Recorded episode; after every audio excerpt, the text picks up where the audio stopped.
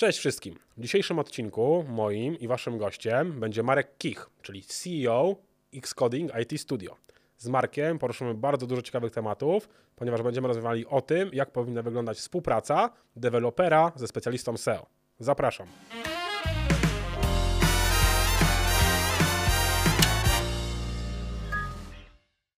Cześć Marku. Cześć Wojtku. Strasznie się cieszę, że mogę Ciebie gościć e, w naszym studiu Zapytaj o SEO, no bo wiem, że jako firma z branży, która zajmuje się wdrażaniem e, sklepów internetowych, to pewnie ręce pełne roboty. No już od roku. E, właściwie od paru lat mówiliśmy całemu rynkowi, że czas na wejście w e-commerce już minął dawno temu. E, no i większość firm traktowała to dość e, nieprofesjonalnie, jeżeli chodzi o wyciąganie wniosków. Tych wniosków po prostu nie wyciągali. Natomiast no, od roku, w momencie, kiedy przyszła pandemia, świat właściwie stanął do góry nogami i to zarówno w zakresie nowych wdrożeń. Firmy się po prostu nauczyły tego, że no, po prostu nie da się sprzedawać offline'owo. Niektóre rzeczywiście w ogóle nie mogły sprzedawać offline. E, no, więc musiały siłą rzeczy zacząć szukać szybko planu B. Natomiast podobny trend jest przy zmianach platform, dlatego że często się okazuje, że w związku z tym, że na przykład wchodzi konkurencja, e, czy są dużo większe budżety wydawane po prostu na nowe wdrożenia, czy na modyfikacje, no to siłą rzeczy ten pęd e, też zahaczył o te firmy, które już coś miały, no to był najlepszy moment, żeby zacząć wydawać pieniądze na zmiany. Mhm. No właśnie, no bo co jest właściwie u Was takim teraz na tapecie, jeśli spojrzelibyście na swoje gdzieś tam taski, które macie w systemach?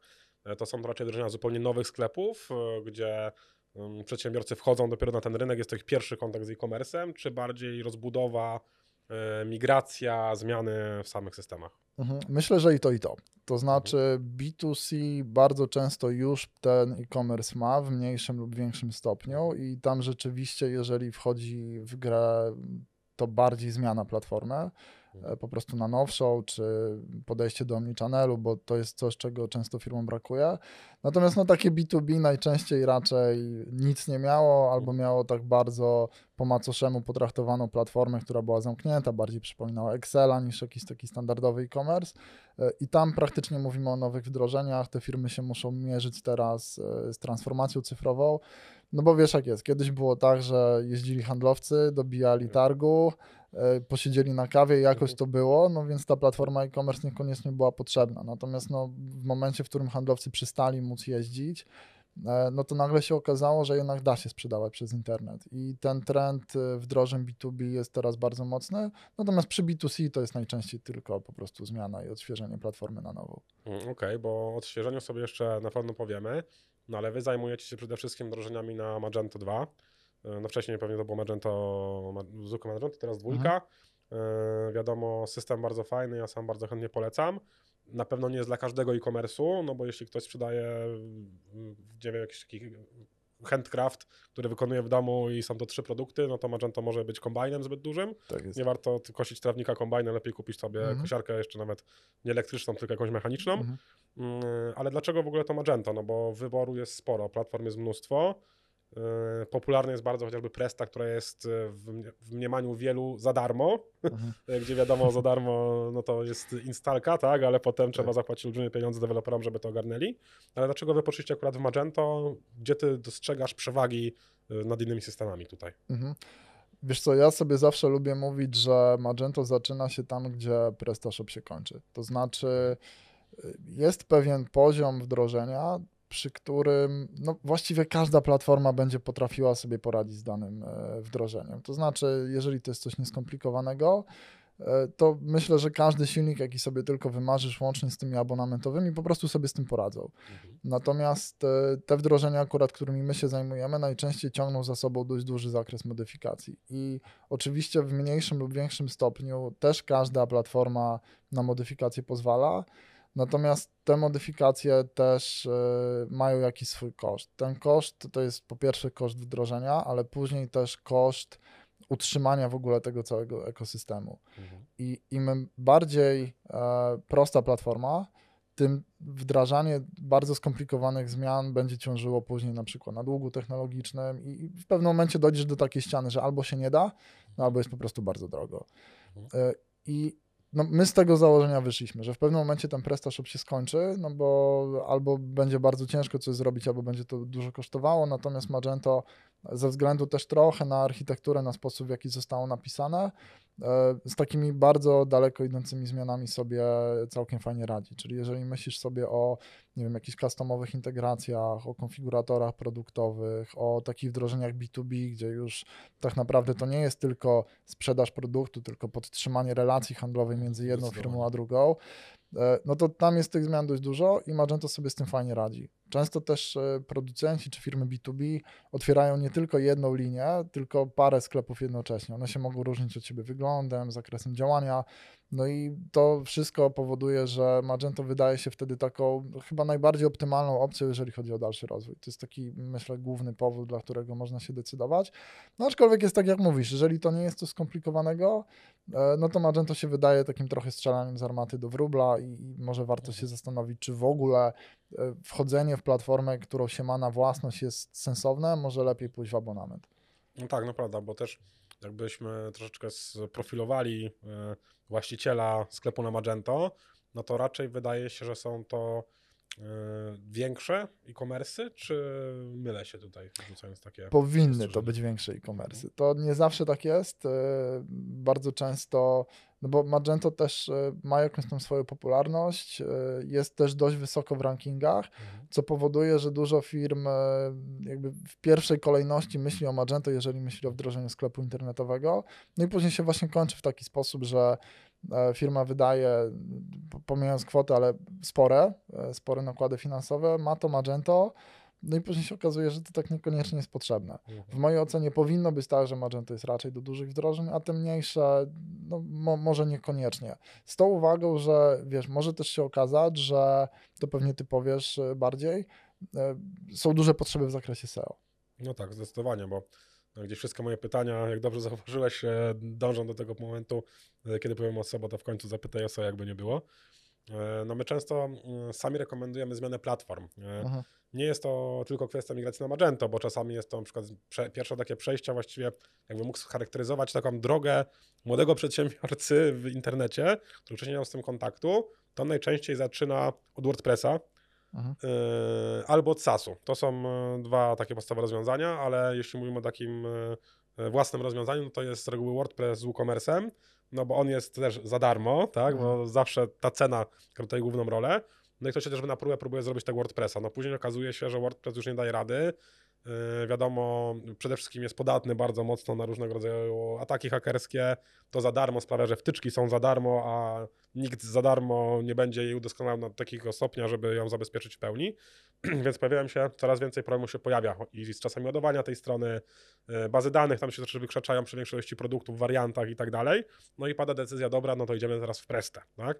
No ta Presta e, działa lepiej, czasami gorzej, e, bo też oczywiście jest zrobiona bardzo mocno po kosztach, no i w końcu pojawia się opcja, trzeba zrobić coś dalej, bo sklep się rozwinął, no i wtedy najczęściej mi się wydaje właśnie idziemy w Magento. E, No są oczywiście też inne duże systemy, ale pod kątem SEO-owym, no my polecamy Magento dlatego, że po prostu da się to e, wszystko fajnie spiąć, zwłaszcza jeśli jest dobra współpraca z deweloperem, Mhm. no to w ogóle można zrobić tam naprawdę bardzo, bardzo fajne, fajne rzeczy. I dlaczego właściwie ci wszyscy ludzie ciągle migrują między platformami? No odpowiedź jest prosta, chodzi przede wszystkim o te funkcjonalności. Raz funkcjonalności po stronie przedsiębiorcy, no żeby łatwo zarządzać było tymi produktami, bo yy, my zawsze jak rozmawiamy z klientem, chociażby o zmianie, no to bardzo mocno skupiamy się mimo wszystko na tym elemencie naszym, tak? No bo my chcemy zrobić swoją pracę i bardziej skupiamy się na tych funkcjonalnościach pod kątem optymalizacji SEO, niż y, pod kątem tego, żeby to było optymalne z poziomu samego właściciela biznesu, no bo my nie wiemy, jak on ma potrzeby w tym zakresie tak naprawdę, więc w ogóle w to nie wchodzimy. Mhm. Y, No i teraz pojawia się taki moment, w którym y, my dajemy rekomendacje pod kątem SEO, no i klient nie do końca jest świadomy tego, co on sam potrzebuje od strony backendu dla jego pracy. No i tutaj wchodzi chyba deweloper, który powinien znaleźć taki złoty środek y, między tymi oczekiwaniami agencji, czy freelancera, czy specjalisty SEO, a oczekiwaniami jednak no, właściciela biznesu, bo to jest tutaj najważniejszy, bo co z tego, że będziemy mieli świetne SEO, skoro tam nie da się nawet dodać produktu. Mhm. Y, I jak ty tutaj się na to zapatrujesz, jak to powinno wyglądać, jaka jest w ogóle świadomość y, deweloperów, jeśli chodzi o połączenie tej funkcjonalności ze strony właściciela biznesu z funkcjonalnościami ze strony agencji SEO czy freelancera? Mhm. Wiesz co, e, jeszcze chyba się nigdy nie spotkałem, żeby nie dało się zrobić czegoś, co chce agencja. Jest to kwestia tylko jakiegoś tam skomplikowania. Natomiast jeżeli chodzi, bo wspomniałeś o tych e, funkcjach backendowych dla właściciela sklepu e, i powiem Ci szczerze, z mojego punktu widzenia na przykład te funkcjonalności backendowe też nie są aż tak istotne, dlatego że jeżeli mówimy o tych dużych wdrożeniach, to ja znam przypadki, że firma w ogóle praktycznie nie wie w ogóle, co się na tym backendzie dzieje, dlatego że oni tak, produktami zarządzają w PIM-ie, zamówieniami w ERP-ie, a klientami w CRM-ie.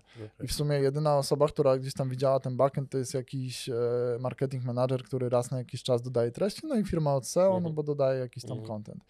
Natomiast e, rzadko jest taka sytuacja, żeby wybór platformy nie współgrał z potrzebami dotyczącymi SEO. Chyba, że się czegoś po prostu nie da i tutaj mam na myśli głównie SASy. Natomiast Mhm. jeżeli e, nie wiem, ty byś przyszedł do mnie i powiedział, słuchaj Marek, musimy mieć możliwość edycji tego, tego, tego, linki mają się generować w taki sposób, chcemy, żeby na przykład pewne kombinacje filtrów były na przykład wyciągnięte jako osobny adres URL Mhm. z opisem, z meta, Tak, no i bo to tak jest dalej. faktycznie no, chyba z najczęstszych. Jedno z najczęstszych, tak. I tak. wiesz co, w tym momencie chyba żaden sklep tego nie potrafi, ale na Mhm. każdym da się to mniej więcej Mhm. zrobić. Tylko kwestia tego, ile to będzie Mhm. kosztowało. Nie? No właśnie, też ciekawe, wspomniałeś o tym elemencie, my no bardzo często korzystamy z tego elementu, bo wiadomo, można zrobić statyczny URL w menu, Mhm. no ale to menu się wtedy rozbudowuje nieskończoność właściwie, e, jeśli zrobimy wszystkie możliwości gdzieś tam e, filtracji. E, Jak myślisz, dlaczego w ogóle już w takim e, korze e, tego kodu nie jest to zaszyte, skoro i tak większość sklepów tam modyfikacje i tak wdraża, deweloperzy wdrażają tą zmianę, czemu korowo tego w końcu nie zmienią? Z czego to może wynikać w Mhm. ogóle? Bo może są to jakieś tematy faktycznie na produkcji, które dla mnie są niezrozumiałe, a wdrożenie tego w formie takiej od razu w gotowym kodzie w instalce, że tak powiem, magentowej, e, nie da się tego wdrożyć. Aha. Z czego to może wynikać? Ja myślę, że gdybyś tak spojrzał na Magento, takie totalnie stokowe, to w ogóle byś powiedział, że tam szału nie ma. Mhm, tak, tak, zu- zupełnie tak, szczerze, tak. nie? Filtrowanie atrybutów tylko po jednej opcji. Nie Mhm. możesz na przykład jednocześnie zaznaczyć, że chcesz y, sukienki, które są czerwone i niebieskie. Mhm. E, Co przy ciuchach to może jeszcze nie jest aż takie istotne, ale gdzieś tam przy komputerach e, to, to już jest super ważne. Tak, tak, zdecydowanie. No, No, też więc- kilka parametrów. Tak, więc takich zaznaczyć. problemów Magento ma całe mnóstwo. I ja myślę sobie, że to nie zostało zaszyte tak jak wiele innych rzeczy, właśnie z tego powodu, że Magento według mnie, gdyby miał powiedzieć komuś, e, słuchaj, twoje potrzeby spełnia Magento w wersji stokowej, to bym w pierwszej kolejności powiedział, nie bierz tego Magento, bo to nie ma sensu. Mhm. Bo twoje potrzeby są tak małe, Mhm. że zrobi to każdy inny system i pewnie nie Mhm. ma sensu wydawać tylu pieniędzy i e, no, jest to po prostu na, zrobione na takiej zasadzie, że tam jest mało, da się zrobić dużo no, i teraz każdy bierze pod siebie. Wydaje mi się, że też e, nie w każdej firmie jest w ogóle świadomość, że na przykład takie filtrowanie gdzieś tam w sposób e, taki bardziej usystematyzowany, że może do tego filtrowania dołożyć jakiś content pod SEO, to wydaje mi się, że takie świadomości po, poza tobą i gdzieś tam firmami z branży, to może nie być aż takiego, Mhm. a, aż takiej dużej. Okej, to prawda. No, faktycznie punkt widzenia zależy od punktu siedzenia Mhm. e, w tym wszystkim.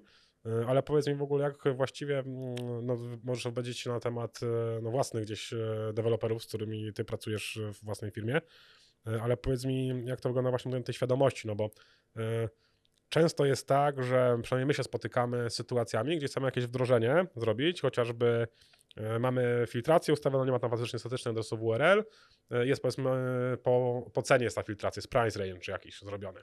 E, No i my faktycznie e, chcemy sobie ustawić chociażby kanonikala, tak, do Aha. adresu głównego kategorii. No i spotykamy się z taką ścianą, często, naprawdę zdarza się to bardzo często, gdzie pojawia się starcie na linii agencji SEO z deweloperem i to jeszcze wszystko dzieje się na oczach klienta, jakby klient jest mm, sędzią na ringu, gdzie my się boksujemy, gdzie powiedzmy deweloper mówi, nie po co to, bez Mhm. sensu, nie róbmy tego. E, No i wtedy mamy taką sytuację, kurczę, no halo, jeśli wy robicie bazę danych, to my- wam nie mówimy, jak ją zoptymalizować, żeby było lepiej, bo to wy jesteście specjalistami, więc dlaczego wy się wtrącacie w tą, tą, w tą naszą sprawę, tak? No, e, wi- wiadomo, że deweloper zawsze chce dostarczyć jak najlepszy produkt dla klienta, żeby był wydajny, szybki i tak dalej, E, no ale same te elementy, które tam trzeba wdrożyć i dla mnie czasami dziwne są te sytuacje, w której deweloper zaczyna podważać kompetencje specjalisty w danej dziedzinie, czyli, czyli akurat w tym przypadku w SEO. Aha. Myślę, że tutaj nie powinno na pewno być sytuacji, kiedy deweloper udaje, że tą wiedzę ma większą. E, Z mojego punktu widzenia raczej będą mieli mniejszą. Chociaż jakąś powinni mieć. Nie, nie powinno być tak, że wy musicie zaglądać do każdego miejsca w kodzie, który został napisany przez dewelopera. No bo ostatecznie też właściciel biznesu nie do końca wam powinien za to płacić, żeby Mhm. sprawdzać, czy na przykład deweloper zrobił nagłówek za pomocą H1, czy bardziej P klas H1, nie? Mhm, bo, tak. bo takie się zdarzają, Zdarzają się problemy. I pewnie nie ma sensu płacić za to, żeby ktoś to wykrywał, po prostu to musi być dobrze. Natomiast na tym takim wyższym poziomie szczegółowości i, i takich problemów, których, czy, czy te, takich zagadnień, które wymagają specjalistycznej wiedzy, no powinno być tak, że wasze jest na wierzchu. I tutaj wydaje mi się, że dużo pracy powinien wykonać jednak właściciel sklepu internetowego i tu też sądzę, że dużo w ogóle wdrożeń ubolewa, czy, czy ma problemy z tego tytułu, że tam nie ma po stronie właściciela osoby, która jest takim e-commerce menadżerem z prawdziwego zdarzenia. No, to zdecydowana prawda. Niewielu jest takich w ogóle specjalistów, mam wrażenie. Yy, No mogę się powiedzieć o naszym kraju, tak, bo tutaj mam najwięcej gdzieś styczności, ale faktycznie jest wielu ludzi mianujących się tytułem e-commerce managera, no bo prowadzą sklep albo dodają produkty Mhm. do sklepu, no ale to, to jest znacznie, bycie e-commerce managerem to jest znacznie, znacznie więcej. Tak, a prawda jest taka, że takich ludzi jest mało, a, a w mojej ocenie właśnie ta rola powinna między innymi też ocenić kompetencje jednej firmy, drugiej, czy w ogóle dobrać firmy pod takim kątem, żeby te kompetencje się zazębiały, a nie gryzły. E, A tam, gdzie jest jakiś konflikt, no to po prostu właściciel powinien podejmować decyzję, no bo w, według mnie to jest jego odpowiedzialność, żeby ten e-commerce szedł do przodu. Tak. I teraz dyskusje pomiędzy firmą od SEO a agencją wdrożeniową tak naprawdę powinny być ucinane przez właściciela, chyba że e, on nie umie tego ocenić, Mhm. no to wtedy musi wskazać firmę odpowiedzialną, no i ta druga musi się słuchać. To, w Mhm. którym on kierunku to zrobi, już ma mniejsze znaczenie. E, No ale wtedy ta firma już jest bardziej odpowiedzialna, no i jeżeli by było na przykład tak, że w sytuacji, kiedy my współpracujemy, e, no to właściciel słucha bardziej nas Mhm. e, i, mówimy, że no fajnie, że chcecie mieć kanonikala, ale świat tak nie działa, przynajmniej nie, nie Mhm. nasz, no to wy nie powinniście w ogóle ponosić odpowiedzialności za wyniki. Mhm. No właśnie, tylko że jest, zawsze jest ta dyskusja, tak? Bo my stoimy przed tym, e, ktoś powie, dobra, nie, nie wdrożymy tego i wiemy, ale wyniku nie ma, więc finalnie ten klient nie ma zwrotu z inwestycji w ten kanał. No i tak czy siak ta sytuacja się kończy, po prostu na jakimś głupim nieporozumieniu na początku. Ale też jest ciekawe to, co ty mówisz, że to e, klient gdzieś tam powinien na pewnym etapie powiedzieć stop i wyznaczyć ewentualnie kogoś decyzyjnego w tym temacie. No Ja też zawsze, zawsze podkreślam e, gdzieś w jakichś artykułach i w tych naszych rozmowach, e, że dla mnie to jest bardzo dziwne i to naprawdę olbrzymi apel do wszystkich właścicieli sklepów internetowych, czy e-commerce managerów, czy inwestorów.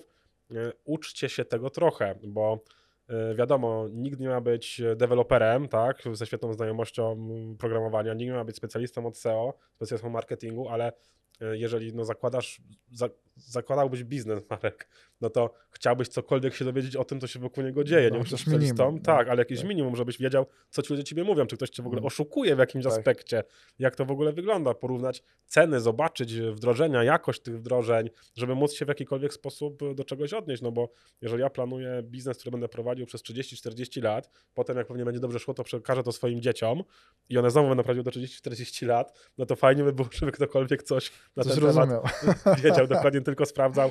Wiadomo, ja rozumiem też y, gdzieś tam właścicieli e-commerce, bo chyba można powiedzieć, na, mam wrażenie, na dwie grupy. Y, Na pewno jedni to są pasjonaci danego, danej niszy, w której się obracają, po prostu handlują w tej niszy, a drudzy są inwestorzy, którzy dostrzegli, a teraz będzie boom na przykład na, pamiętasz, spinery, tak? Tak, tak. Y, które były no, miesięczny boom. Zobaczyli, że to może być dobry pomysł, odpalmy sklep, sprzedawajmy to. I ich jeszcze rozumiem. Y, Oni nie wiążą przyszłości z tym biznesem, po prostu chcieli szybko zarobić, włożyć i wyciągnąć y, jak największy zwrot z tego, ale mm, takich ludzi, którzy faktycznie robią to z pasją, no to powinni jak najbardziej się szkolić, bo z takim człowiekiem też łatwiej współpracuje, mam wrażenie.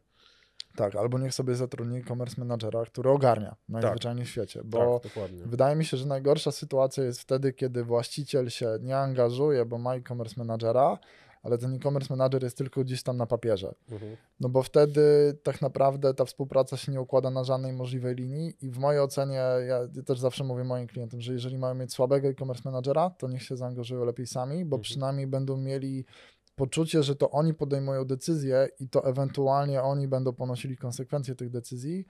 E, A zaufanie takiemu menadżerowi, który po prostu no, nie, nie dowozi, e, Mhm. będzie skutkowało tylko tym, że on będzie gdzieś tam szukał winnych, e, jedna Mhm. agencja będzie się kłóciła z drugą, a właściciel zawsze powie, wiedział, że to nie jego wina. Tak, E, tak, dokładnie. dokładnie Wiesz, tak najlepsza wygląda. sytuacja jest wtedy, tak wracając na chwilę nawet do tych e, firm wdrożeniowych i firm od SEO, kiedy ta współpraca po prostu jest. Mhm. E, Nie? Dla mnie taki best case scenario jest wtedy, kiedy wy mówicie, co, co jest wam potrzebne, a my wymyślamy, jak wam to dać. Mhm. E, I jakby uważam, że w długiej perspektywie nasz cel jest zbieżny. Tak, zdecydowanie, no bo e, zobacz, co ty, co ty mówisz, bo no, są te partnerstwa, my faktycznie no, działamy w systemie partnerskim, gdzie klient, który do nas przychodzi, no chce, żebyście wy mu zrobili sklep, mamy zadbać o SEO i go nie interesuje, kto się czym zajmie w tym procesie tak naprawdę. Dokładnie. E, On zapłaci fakturę on chce dostać produkt, który spełni jego oczekiwania i nie chce potem słyszeć za trzy miesiące, a bo tam tego jeszcze nie ma, coś powinno być, a jest inaczej, no tam no kurczę, potem wam zapłaciłem, żebyście to załatwili faktycznie ta praca jest całkiem okej, no bo najpierw zbadamy sobie wspólnie cele tego klienta, co on w ogóle chce tam osiągnąć, no my przeanalizujemy sytuację, zobaczymy, co- musi być tam pod SEO, wy wiecie, co musi być e, po stronie gdzieś tam e, deweloperskiej, no można się spotkać, porozmawiać, ok, on chce to, po co będzie potrzebne to, tak, także tak samo bardzo często przecież na wersjach deweloperskich, gdzie jeszcze strona nie jest wypuszczona do, Mhm. E, gdzieś tam do szerokiej publiczności, no ale już możemy zobaczyć, jak te systemy działają, jakie mogą być konsekwencje jakichś tam zapętleń, chociażby właśnie w filtrach, no i to można na szybkim etapie, jeszcze przed wdrożeniem finalnym sklepu, szybko skorygować, co z jednej strony jest dobre, bo daje możliwość uzyskania lepszego efektu w szybszym tempie, no a po drugie, co chyba będzie najważniejsze dla, dla inwestorów, właścicieli e-commerce'ów, bardzo mocno ogranicza koszty, które później trzeba ponieść, no bo jak już raz się coś zrobi, potem trzeba to zmienić, to jest drożej niż przeróbka w trakcie jeszcze tego tworzenia. Mm, A Wojtku, ile macie takich współprac, że to jest takie idyllyczne i się pracuje z tym deweloperem i to jest takie super Mm. fajnie jak w rodzinie i się wszyscy dogadują. No dużo tego nie ma, ale No z wami współpracuje się bardzo dobrze. Mamy przecież dobre, e, dobre relacje, zawsze kontakt też jest ok, także to nie ma problemów. E, Ale no faktycznie nie jest to na pewno większość zdecydowana, e, no ale my też działamy dzięki naszemu działowi partnerskiemu w e, tej idei SEO 360, gdzie faktycznie ci partnerzy, z którymi współpracujemy, czyli no między innymi wy, no mają to poczucie zrozumienia, o co tutaj chodzi. Nie chodzi tylko o to, żeby zrobić swoje, skasować pieniądze i Mhm. to nie moja wina, tak? Nie mamy pańskiego płaszcza i co nam pan zrobi, tylko faktycznie no, my czujemy chyba ten wspólny, wspólny cel biznesowy, którego, na którego szczycie jest y, zwrot z inwestycji klienta. Mhm, tak, no mnie to właśnie też zastanawia. Dlaczego jest tak, że mimo, że my jako firma wdrożeniowa i wy jako agencja SEO tak naprawdę no, praktycznie nie mamy żadnego konfliktu interesów, E, Cel mamy, wydaje się, zbieżny, bo to jest po prostu osiągnięcie sukcesu przez naszego klienta wspólnego, który jest naszym wspólnym dobrem tak, Tak. naprawdę. E, A ja mam taką obserwację jak ty, że w praktyce to jest tak, że no, rzadko taka współpraca Mhm. się udaje. Bardziej to jest właśnie takie pokazywanie sobie palcem na zasadzie wasz pomysł obciążył nam sklep i dzięki temu, czy przez to bardziej wolniej Mhm. działa. Mhm. E, versus wasze wdrożenie zepsuło nam SEO, przez co ten sklep się nie pozycjonuje. Tak. I, I wiesz, nie, nie ma tam takiego dialogu, którego ja bym, no wydaje mi się, oczekiwał, bo dalej nikt nikomu nie zrobi krzywdy takim pozytywnym dialogiem. Tak, no mi się wydaje, że to jest właśnie kwestia komunikacji, no bo fajny jest ten przykład, który podałeś, że na, wasze wdrożenie SEO obciążyło nam sklep, co zwolniło jego działanie chociażby. E, To jest bardzo fajna rzecz. Zresztą rozmawialiśmy o też w sztuce e-commerce e, w swoim podcaście. W ogóle Webcore Vitals, e, Tak. ważnym, ważnym aspekcie, który gdzieś tam się pojawi. Ważnym, nieważnym. Jeśli ktoś chce wiedzieć, czy według mnie ważny, to Zapraszamy. zapraszamy do, do cuchu. Ale faktycznie to jest kwestia zważenia i dyskusji, no bo okej, wasze wdrożenie opóźniło, zwolniło nasz sklep, tak? No i o ile zwolniło? O 200 milisekund wczytywania, a dzięki temu uzyskaliśmy widoczność w olbrzymiej ilości fraz, no to zważenie jest bardzo proste. Wystarczy spotkać się z klientem i powiedzieć, drogi kliencie, mamy taką sytuację. Deweloper może przyspieszyć sklep, jest to ok, ale jeśli go trochę zwolnimy, to dzięki temu uzyskamy znacznie większą, większą widoczność. E, Według nas każde rozwiązanie jest ok, no ale ty pod kątem biznesowym musisz zdecydować, e, co byś z tego wolał. No i wystarczy się dogadać, ok, robimy tak albo, albo tak. Tak. E, I, I problem jest rozwiązany, klient jest zadowolony, że faktycznie w ogóle do niego przychodzi z inicjatywą, że są jakieś dwie opcje na stole, dwa rozwiązania, no bo gorzej musimy przyjść i powiedzieć, jest problem, sklep zwolnił, tak? To co ten klient ma zrobić? No, No tak. Ale to właśnie dlatego na koniec dnia to ten klient powinien ponosić odpowiedzialność, bo nawet jeżeli mhm. jest ta współpraca, no to zwróć uwagę, że ok, na koniec my idziemy do klienta, wypracowaliśmy wspólnie wersję, ale to wydaje mi się przynajmniej, że powinniśmy jednak unikać sytuacji, kiedy e, i dochodzi do tego typu dialogu, że wasze wdrożenie nam to zepsuło, albo nasze wdrożenie wam to zepsuło, to raczej jest tak, że to klient podjął decyzję, Mhm. konsultując się na takim poziomie, na jakim uznał to za słuszne, Mhm. że robimy coś i to jemu sklep zwolnił. Mhm. E, I to, czy on miał wystarczająco dużo wiedzy, czy nie, no to jeżeli nie miał, no to to jest coś do przepracowania. Natomiast to też pozwoli uniknąć takich właśnie, no wydaje mi się, trochę pustych dyskusji pomiędzy jedną firmą a drugą. Tym bardziej, że to nie jest tak, że to tylko są dwie firmy, zwróć uwagę, bo tam Mhm. jeszcze No. jest jeszcze firma pewnie od contentu, czasami, e, od marketingu, od performance'u, jeszcze Tak, ktoś tam od od UX-u. polityki cenowej. Tak, od y, polityki cenowej i, i wiesz, w, każdą, w każdej parze można by było takie Mhm. dyskusje prowadzić, tylko na koniec dnia no, ta łódź nie płynie w żadnym kierunku. Tak. Znaczy też mi się wydaje czasami wręcz takie, może śmieszne to będzie zbyt mocne słowo, ale takie niepoważne, o może w ten sposób, y, gdzie my, zdarzają nam się sytuacje, gdzie klient nawet potrafi ukryć przed nami, że ma firmę deweloperską, Mhm. że my nawet o tym nie wiemy, tak? Że wystarczyłoby nam powiedzieć, e, ok, ja mam firmę, która mi wdraża, w razie jakbyście chcieli coś robić, konsultujcie się z nimi, żeby nic tam się nie popsuło. I to wystarczy, mamy kontakt, chcemy coś zrobić, no to najpierw skonsultujmy, kurczę, chcemy prowadzić kanonikala, czy coś wam to zamiesza, tak? Czy, czy nie Tak. będzie problemu, coś się nie wysypie. E, A czasami jest to nawet wręcz ukrywane, jakby e, czasami klient wrażenie uważa, że jeśli ma kogoś ukrytego, który zajmuje się według jego opinii podobną rzeczą, bo zwróć uwagę, że klienci często mają wrażenie, że development i SEO są bardzo ze sobą powiązane. One są powiązane tylko na etapie audytu technicznego tego sklepu. Właściwie Potem to tak. jest już zupełnie inny, inny świat. Yy, I oni mają tak- takie, mam wrażenie, wrażenie myślą, że jeżeli mają kogoś takiego ukrytego, zajmuje się tym podobną rzeczą, to ma takiego swojego szpiega, który w razie czego mówi, a bo oni popsuli. mam takie wrażenie, że czasami tak, tak jest, a to jest yy, chyba droga donikąd zupełnie. No nie, to jest absolutnie droga donikąd. Później dochodzi do takich patologii, że wy się dowiadujecie, że jest nowy sklep internetowy dzień przed premierą. Albo dzień po. Albo dzień po. Jak o, po- pozycjoner lepiej, nie? faktycznie sprawdza, Tak. co się dzieje, bo poleciały pozycje, patrzę, to zupełnie nowy sklep. Tak. Zdarzało się. Pewnie w twojej Zdarza się bardzo, zdarza się bardzo często, nagminne wręcz. My zawsze uczulamy klientów, nawet w razie gdybyście chcieli robić nowy sklep, dajcie nam znać, nie? Naprawdę my możemy pomóc, żebyście potem ograniczyli te straty i tak dalej, ale często w ogóle ludzie jakby o tym zapominają i Tak, w ogóle też swoje. firmom wdrożeniowym się wydaje, że one potrafią. E, Mhm. I to też jest w ogóle drugi błąd, bo, bo najczęściej nie potrafią. Mhm. I jest tak jak mówiliśmy, no deweloper musi mieć tą podstawową wiedzę, żeby nie popełniać błędów, za które Mhm. po pierwsze raz to będzie musiał zrobić, później drugi raz to poprawić i jeszcze wy za, weźmiecie pieniądze za to, że ten błąd skażecie, więc Tak. klient płaci de facto dwa razy za dużo. dokładnie. E, Natomiast no, na, od pewnego poziomu no, to agencja SEO to jest must have e, Mhm. i, i wydaje mi się, że przynajmniej ja nie znam takiej firmy technologicznej, która miałaby aż tak rozwinięte kompetencje jak taka porządna agencja SEO. Mhm. Więc takie krycie jednych przed drugimi, Mhm. no to kończy się tym, że ten sklep po prostu nie osiągnie swojego celu w żadnym Tak. momencie. Znaczy to, co mówisz jest, y, o tych kompetencjach jest y, ciekawą rzeczą, bo faktycznie ile wy mniej więcej wdrażacie y, sklepów w ciągu roku, dajmy na to? Kilka. Okej, no my w ciągu roku przerabiamy kilkaset kampanii SEO. No właśnie. I to jest właśnie, właśnie ta rzecz, gdzie my na tych różnych błędach, które one często się powtarzają, nie wiem co oszukiwać, bo SEO, ja zawsze o tym mówię, to nie jest tajemna wiedza z lekcji eliksiru po prostu następna w Hogwarcie. To nie o to tutaj zupełnie chodzi. To jest wiedza dostępna dla każdego.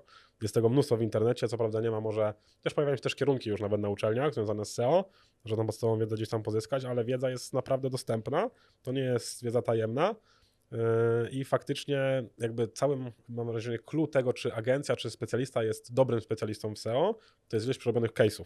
Tak. Bo tutaj chodzi tylko i wyłącznie o to, jaką masę dziwnych błędów, dziwnych wymysłów, pomysłów i właścicieli, deweloperów również widziałeś na własne oczy, Mhm. żeby, żeby cokolwiek zadziałać. No, chociażby takimi problemami są często wdrożenia, e, też widzieliśmy na przykład wdrożenie na Magento, mm, jedno, gdzie właściwie wszystko oparli o JS-a. Mhm. Wszystko było oparte w JS-ie. Wiadomo, no JS nie da się go uniknąć, ale trzeba trochę optymalizować. I okazało się, że faktycznie roboty Google w ogóle nie widzą tej strony, bo wszystko było w Nic JS-ie. tam nie ma. Strona, nic tam nie ma po no. prostu. E, Także no to są to takie problemy, gdzie mm, trzeba przerobić te case, żeby wiedzieć, gdzie szukać. E, W ogóle, żeby szybko te, te błędy wskazać. No i tak mówisz, zakres kompetencji jest dosyć szeroki. Zresztą mam wrażenie, one się jeszcze bardziej rozczłonkowują, bo ja pamiętam, jak zaczynałem e, pracę w SEO, no to było ze 14 lat temu, moje pierwsze tam kontakty w ogóle z tymi zagadnieniami, no to był pozycjoner. Pozycjoner pozyskiwał linki, robił audyt techniczny, wdrażał ten audyt techniczny najczęściej, czyli te poprawki samodzielnie wdrażał. Sam pisał treści, yy, bo gdzieś rynek copywritingu nie był tak rozwinięty, nie bardzo opłacało się w ogóle, stawki też były bardzo niskie w tym kanale marketingowym, więc nie opłacało się podwykonawców jeszcze do tego brać. Sam pozyskiwał linki, miał kontakty z dawcami. No i my się bardzo mocno rozczłonkowaliśmy na specjalistów bardziej technicznych, na y, bardziej content managerów, link builderów y, i tak dalej. Także jest nawet specjalizacja już samej specjalizacji, którą jest SEO. No podobnie jest przecież y, w developmencie. Też nie wszyscy są od wszystkiego. Jedni są lepsi w optymalizacji bazy danych, inni w samego, samego kodu i tak dalej. Więc ta specjalizacja no coraz bardziej się, się rozczłonkowuje i ta współpraca między konkretnymi specjalistami jest chyba no, bardziej kluczowa niż kiedykolwiek. Tak, no i teraz jak wrócimy do tej dyskusji pomiędzy firmą SEO a wdrożeniową, czy te Canonicale to jest dobry mhm. pomysł mhm. i firma technologiczna, która to kwestionuje, no to brzmi dość niepoważnie, mhm. powiedziałbym w takim najlepszym wypadku. No I, z mojego punktu widzenia firma technologiczna, no jedyne co powinna i co według mnie nawet nie tyle powinna, co musi umieć, mhm. no to jest właśnie to, żeby ten audyt techniczny nie był później rozmiaru kilkuset stronicowego mhm. dokumentu, gdzie wszystko jest właściwie do poprawy. Mhm natomiast no, wydaje mi się, że zgodzisz się ze mną, że sam poziom techniczny witryny z SEO właściwie niewiele ma wspólnego. To znaczy, jeżeli nie masz dobrze technicznie zoptymalizowane witryny, no to nie masz szans żadnych. Tak. Natomiast jak ją masz dobrze z, zrobioną od strony technicznej, to w sumie dalej nie masz żadnych szans, bo ty, ale wtedy faktycznie te działania SEO mogą coś mhm. wnieść, a przy słabej technicznej witrynie, no już tak nie do końca. No tak, dokładnie. No, są wyjątki, bo nie możemy mówić, że tak nie jest, ale jeżeli jesteś jednym z trzech producentów w Polsce, który sprzedaje dany produkt, to nawet gdybyś miał stronę no, tak, tak, fatalną i tak będziesz wysoko, po prostu no, nie ma tak, konkurencji, ale jeśli jest konkurencyjność, to to już jest y, bardzo, bardzo jeden, no, wydaje mi się, nie chciałbym mówić, pewnie z 60% y, zaczyna się od dobrego audytu technicznego, dobrego wdrożenia, no bo to jest faktycznie y, totalna, totalna podstawa. Okej, okay, ale wróćmy jeszcze do tego Magento, bo temat dla mnie ciekawy. E, jaki według Ciebie jednak Wy zaczynacie robić sklep? E, mi się w ogóle bardzo podoba, no, że działacie w systemie Agile, także e, jakby sklep powstaje dość długo. Aha. Nie da się, nie ma się co oszukiwać. Jak ja często słyszę od klientów, ok, to my zaczynamy z wami działania SEO, ale na stałej stronie prawie nic nie róbcie, bo my dzisiaj rozmawialiśmy z jedną firmą wdrożeniową i za miesiąc będziemy mieli sklep. No to tak może nie. No nie, nie, nie, nie będziecie się, mieli. Nie będziecie mieli sklepu, ale oni obiecali. No, no pewnie wersję podstawową za, z, zrobią, tak, ale no tam będzie tyle poprawek, zmian i tak dalej, y, że, że to jest masakra. I oni mówią, no ale jak to? No przecież co to za problem? No tu damy i tak dalej, no ale jaką macie branżę? No robimy, dajmy na to, nie wiem, niech to będą kafelki, tak? Do, do łazienek, płytki. No dobra, no ale to teraz chociażby sama forma wyboru produktów, czy po sztukach, czy po wadze, po palecie w sumie no nie wiemy. Mhm. Mówię, no właśnie, więc skąd firma deweloperska ma to wiedzieć? Oni was o to zapytają i dopiero jak zapytają, no to zaczną rozważać, jak to w ogóle można zaprogramować, żeby dobrze działało. Jeśli ktoś sobie na przykład wpisze, że chce 45 sztuk płytek, tak, żeby od razu pokazało, ile to będzie kilo i ile palet trzeba załadować, jaki będzie koszt dostawy. Mhm. No to przecież są bardzo skomplikowane rzeczy i to nie da się zrobić tego w miesiąc.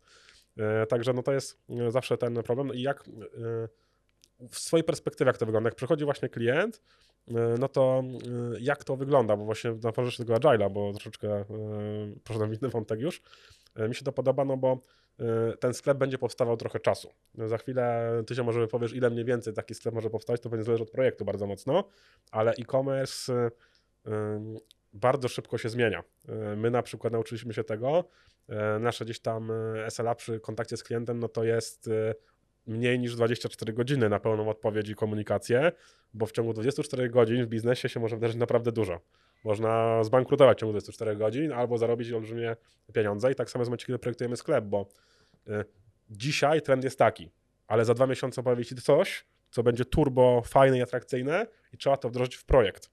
Y, no Agile na to pozwala, bo faktycznie działacie sobie w, zaraz możesz powiedzieć właściwie w jakim dokładnie trybie wy działacie, ale to pozwala na wdrażanie tych zmian gdzieś jeszcze w trakcie trwania projektu, co pewnie wydłuża go znowu w jakiś sposób, ale no przynajmniej sprawia, że ten produkt finalny jest atrakcyjny. Y, Ile właściwie tak stworzenie tego sklepu, żeby ci wszyscy przedsiębiorcy nawiązujący współpracę chociażby pod kątem SEO wiedzieli na co muszą się liczyć, z czym muszą się liczyć pod kątem czasu, który, y, który to wszystko pochłonie. Mhm. Rzadko mi się zdarza wyceniać projekt i dawać termin poniżej pół roku. Okej. To jest zdecydowana rzadkość. Oczywiście zdarzają się takie, ale tutaj znowu, jeżeli wrócimy do Magento i Mhm. przychodzi klient i mówisz, no da się to zrobić w, w dwa miesiące, no to pierwsza myśl, jaka się powinna pojawić, czy to Magento, to jest na pewno dobry pomysł. Mhm. Nie, no bo skoro to trwa dwa miesiące, to znaczy, że tam nie ma nic do roboty. Jak tam nie ma Mhm. nic do roboty, to po cholery ci to Magento. Mhm. Nie, Bo tracisz całą przewagę właściwie. Tak. Już pomijam, że też traci się naszą przewagę, no bo my, Mhm. jeżeli tam nie ma nic do roboty, to tam naprawdę można sobie zatrudnić stażystę i on sobie też prawdopodobnie z tym poradzi. Mhm. Natomiast te duże wdrożenia to jest takie 6-9 miesięcy. Mhm. E, No i jest no plus 6-9 miesięcy, no bo to, to jest taka raczej wartość wyjściowa. E, Mhm. Zdarzają się wdrożenia i po 2 i po 3 lata.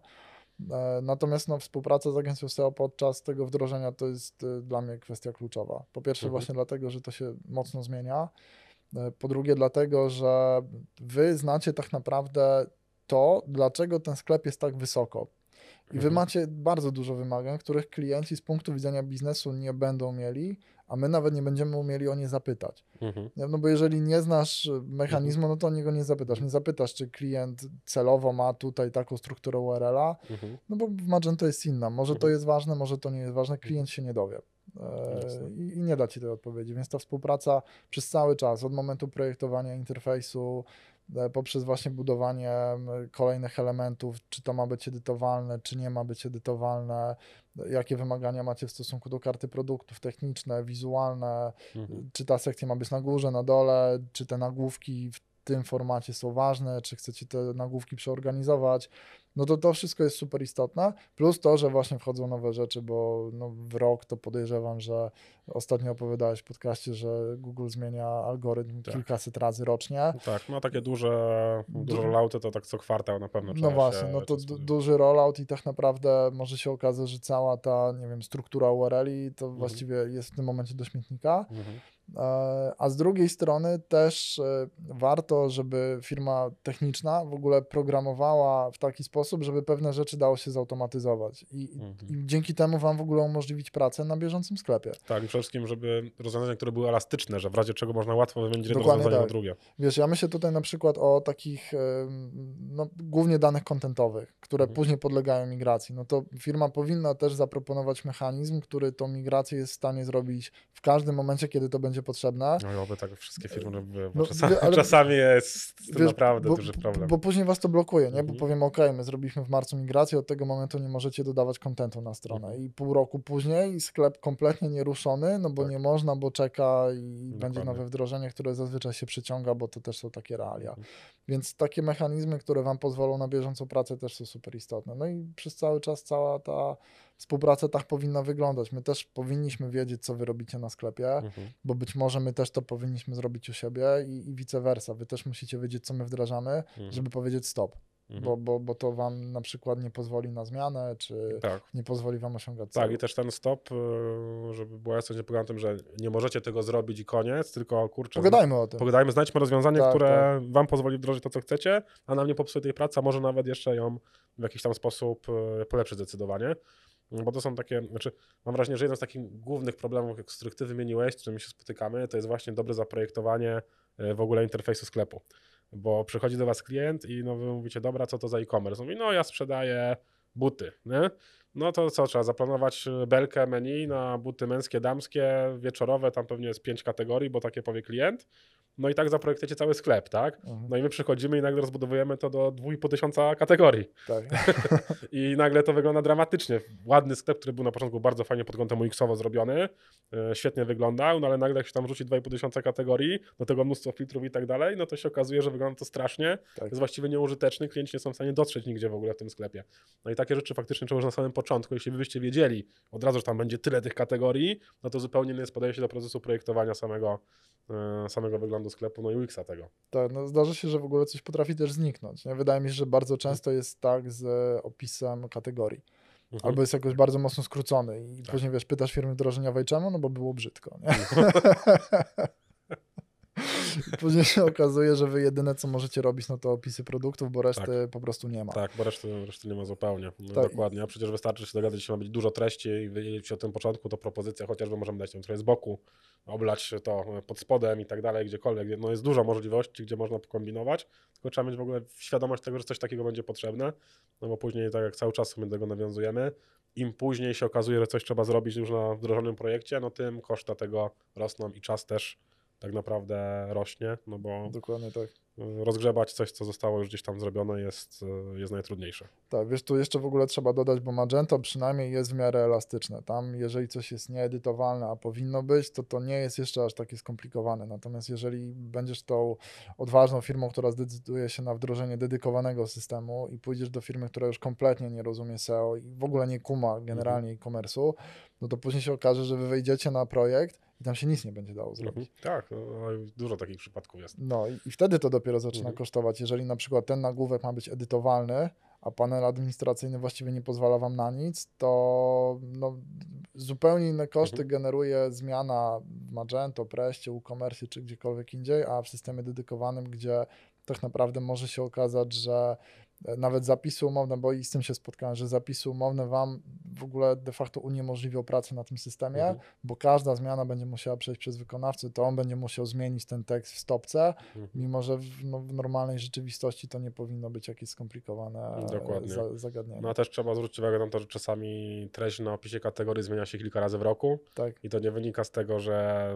wcześniej było to złe, tylko po prostu no, trzeba się dopasować do intencyjności danego zapytania, chociażby. zmienia się struktura menu. Tak, dokładnie, więc, więc trzeba to, to bardzo, bardzo, bardzo często zmieniać i e, faktycznie, no, jeśli my chcemy zrobić trend na studniówkę w opis kategorii, a wszystko musi przejść przez iluś ludzi i nagle tydzień po studniówkach dopiero to spada, no to my musimy znowu go podmienić na inny i tak naprawdę no, cały sens y, tego działania no, gdzieś znika całkowicie.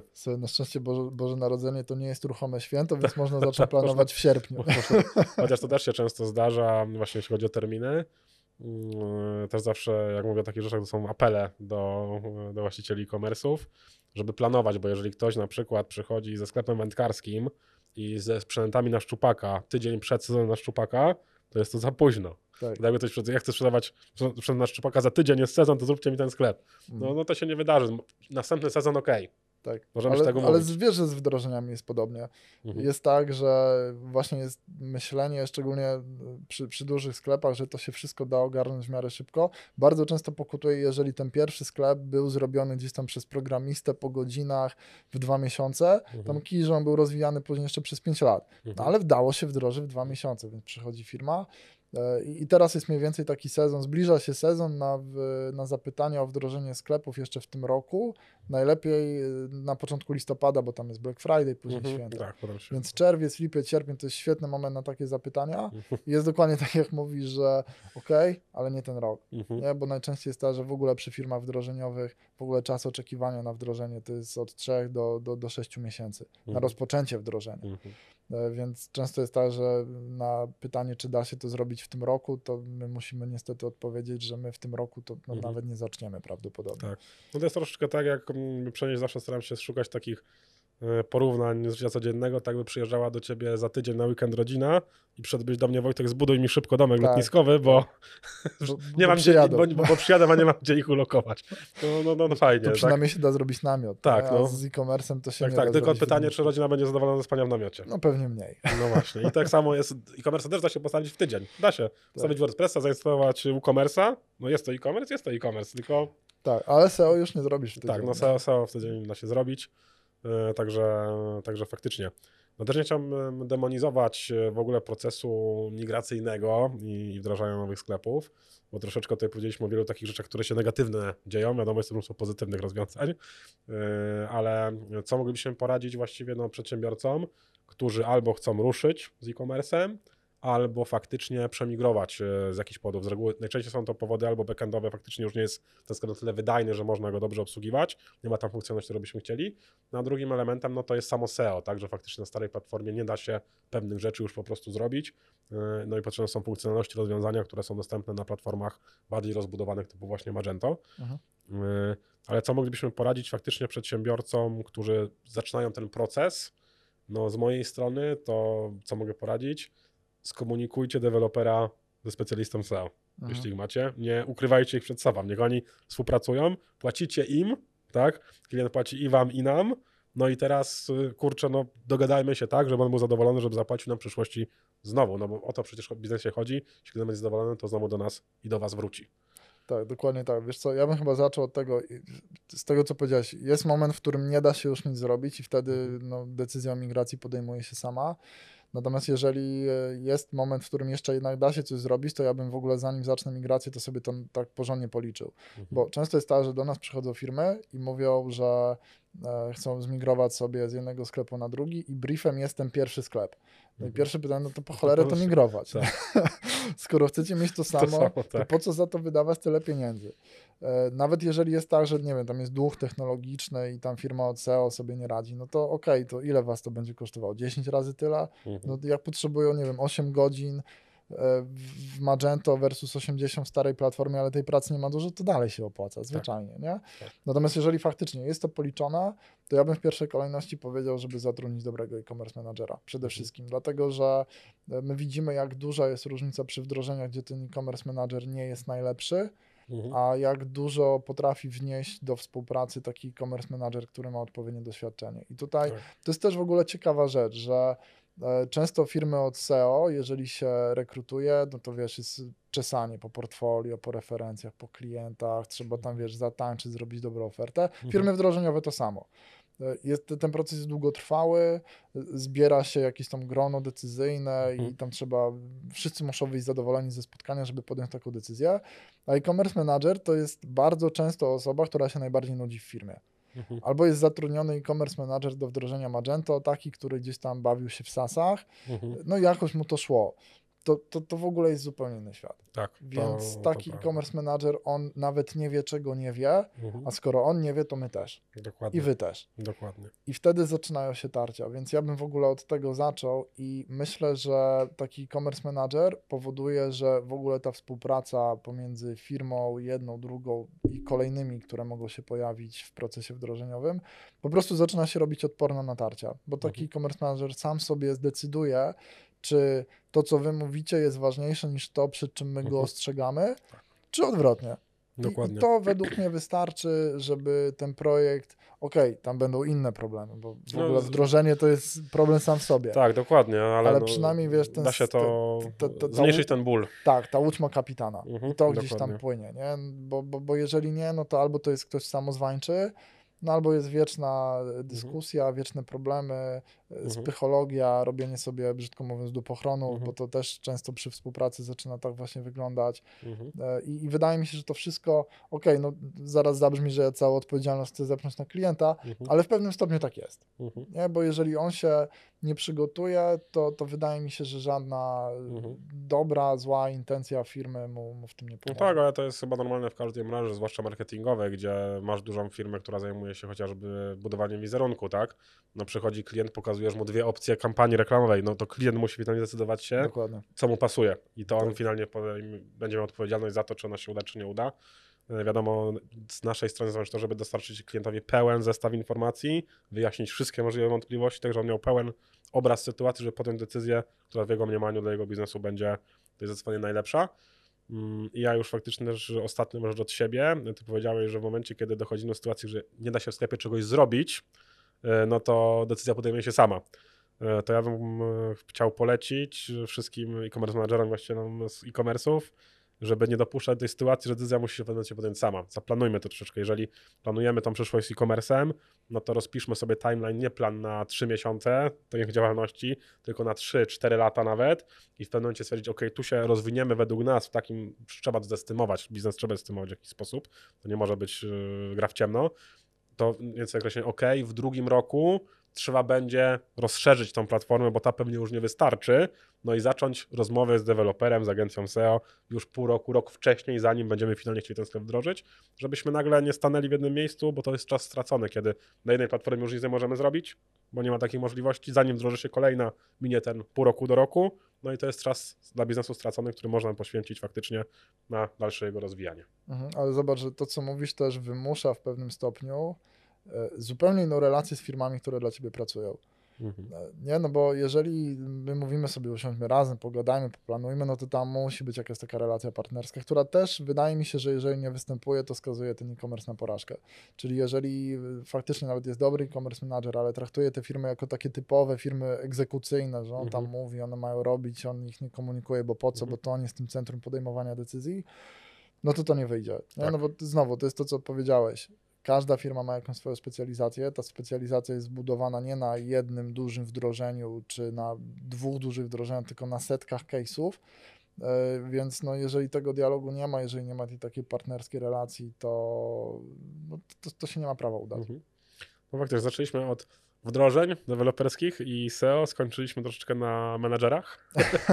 No, ale wiesz, no w e-commerce no, chyba tak. naj, w ogóle w Tak. każdym, wydaje mi się, przedsięwzięciu Tak, no, biznes jest najważniejszy. tak, no i też trzeba pamiętać, że jeśli już mówimy o menedżerach, to zadanie menedżera nie jest zarządzanie, tylko ułatwienie Dokładnie. wszystkim wokół wykonywania swojej pracy i koordynowanie jej, a nie mówienie, jak mają coś robić, bo przecież Dokładnie y, tak. on ma zarządzać ludźmi, a nie, y, nie być specjalistą. Tak, czyli drodzy menadżerowie, jak coś złego, Tak. to nie my, to wy.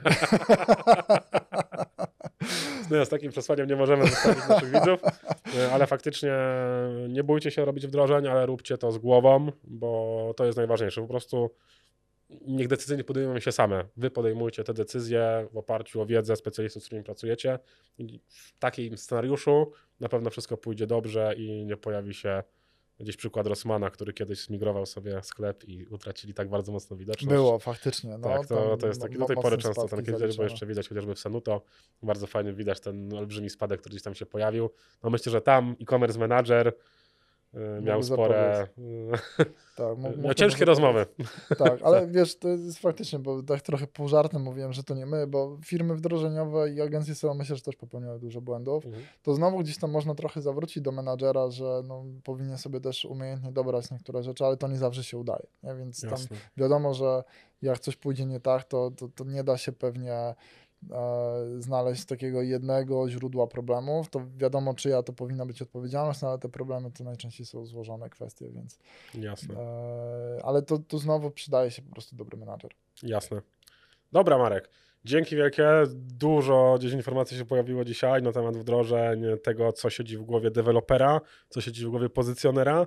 Także mam nadzieję, że wszyscy widzowie wyciągną z tego wnioski i faktycznie ta współpraca na linii yy, e-commerce, developer SEO, no od dzisiaj będzie już przebiegała totalnie gładko. Jak następnym razem się spotkamy, porozmawiamy, to stwierdzisz, kurczę Wojtek, wszystko się zmieniło. Mamy nową rzeczywistość, nowy świat. Tego bym nam życzył. Dzięki Wojtku. za Super, dzięki wielkie, do zobaczenia, cześć. Cześć.